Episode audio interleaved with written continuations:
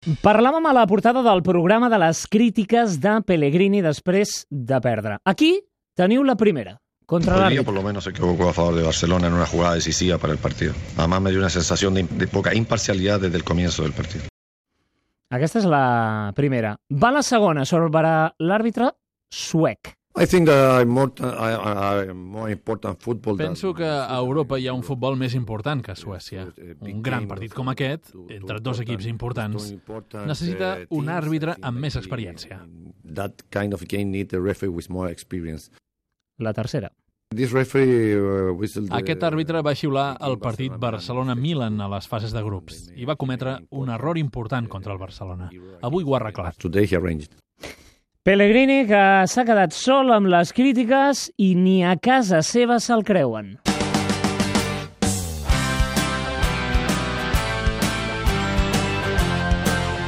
El City des de la City. Pol Gustems, què tal? Bona tarda. Hola Robert, bona tarda. Gustems, tu que ets un home fet i format a Manchester, a la City, no t'han sorprès aquestes crítiques de Pellegrini?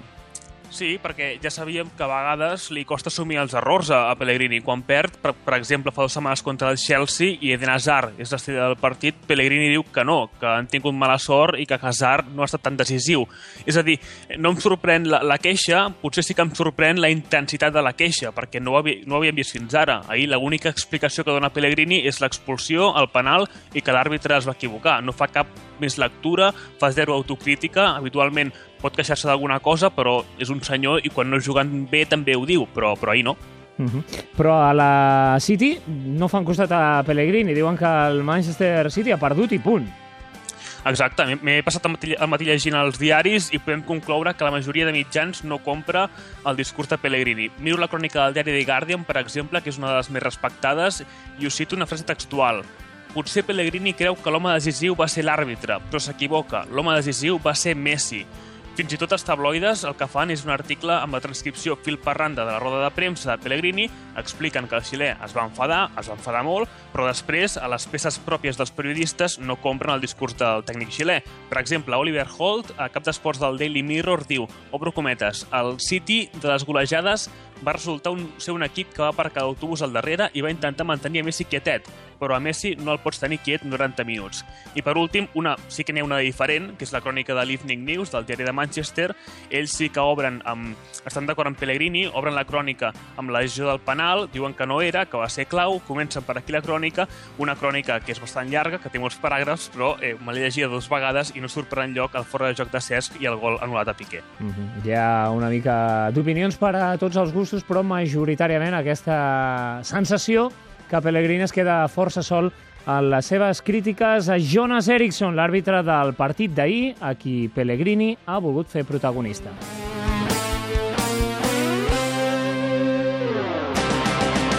L'Isaac Vilalta ens vol explicar una història de les seves, de les de cada dimecres, de gent del barri.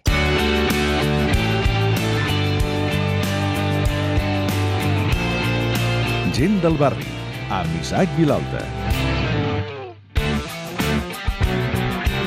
Isaac Vilalta, bona tarda. Hola Robert, bona tarda. Avui parlem d'un protagonista d'una història que no ens faria res que ens toqués algú de nosaltres. Sí, bé, bé, has donat un parell de pistes que ens acosten molt al que explicarem, tot i que no desvetllem encara qui és el protagonista. Segurament no és el millor de la seva promoció ni en les últimes hores ha viscut la seva millor actuació. El que no sé si això el deixa dormir o no. Més pistes. Aquesta és la impossible. slår med sig bollen, eller utnyttjar sin handfast med bollen. Inte tvärtom när bollen söker handen. Aquest és el nostre protagonista, comentant un postpartit de la Lliga de Futbol del seu país. Difícil, eh? Ens hi acostem més. Manuel Pellegrini, el tècnic del City, afirma que l'àrbitre no va ser imparcial. Diu que amb la jugada del penal va decidir el partit. Insinua que ahir va voler corregir l'error que va tenir fa dues temporades en un partit... En efecte, és Jonas Eriksson, àrbitre suec que hi va dirigir el City Barça. 39 anys, exfutbolista, àrbitre des del 1994 i és internacional des del 2002. Quan va començar a dedicar-se seriosament a l'arbitratge guanyava uns 50.000 euros l'any, però t'asseguro, això sí, i m'hi jugo que vulguis, que ara no arbitra per diners. No ens deus estar insinuant que ha acceptat algun suborn i que ha fet de més i de menys al món del futbol? No, no, res d'això. D'entrada, tot el que ha fet és lícit i podria passar a qualsevol dels veïns del nostre barri. Tan sols fa falta un cop de sort magistral. Ericsson, quan era un àrbitre modest encara, treballava a IEC InSport, una empresa que es dedicava a comercialitzar amb drets esportius amb oficines a Europa, Àsia i Oceania. Fins aquí tot normal. El 2005, Ericsson va comprar el 15% de l'empresa, també tot més o menys normal. Tres anys més tard, el 2008, l'empresa no parava de créixer, aconseguint contractes importants. Moment clau. Una altra companyia decideix comprar-la per una borrada de milions. A Ericsson, per la part que en tenia, li plouen del cel 10 milions d'euros. Això, sens dubte, són molts calés. El converteixen en multimilionari i automàticament Ericsson fa de l'arbitratge no un plus econòmic a la seva vida, sinó pura diversió, pur amor al futbol. Ja discutirem fent una cervesa si és bon àrbitre o no. En qualsevol cas, a l'estiu se'n va al Brasil i no pas de vacances. És un dels 25 seleccionats per arbitrar partits del Mundial.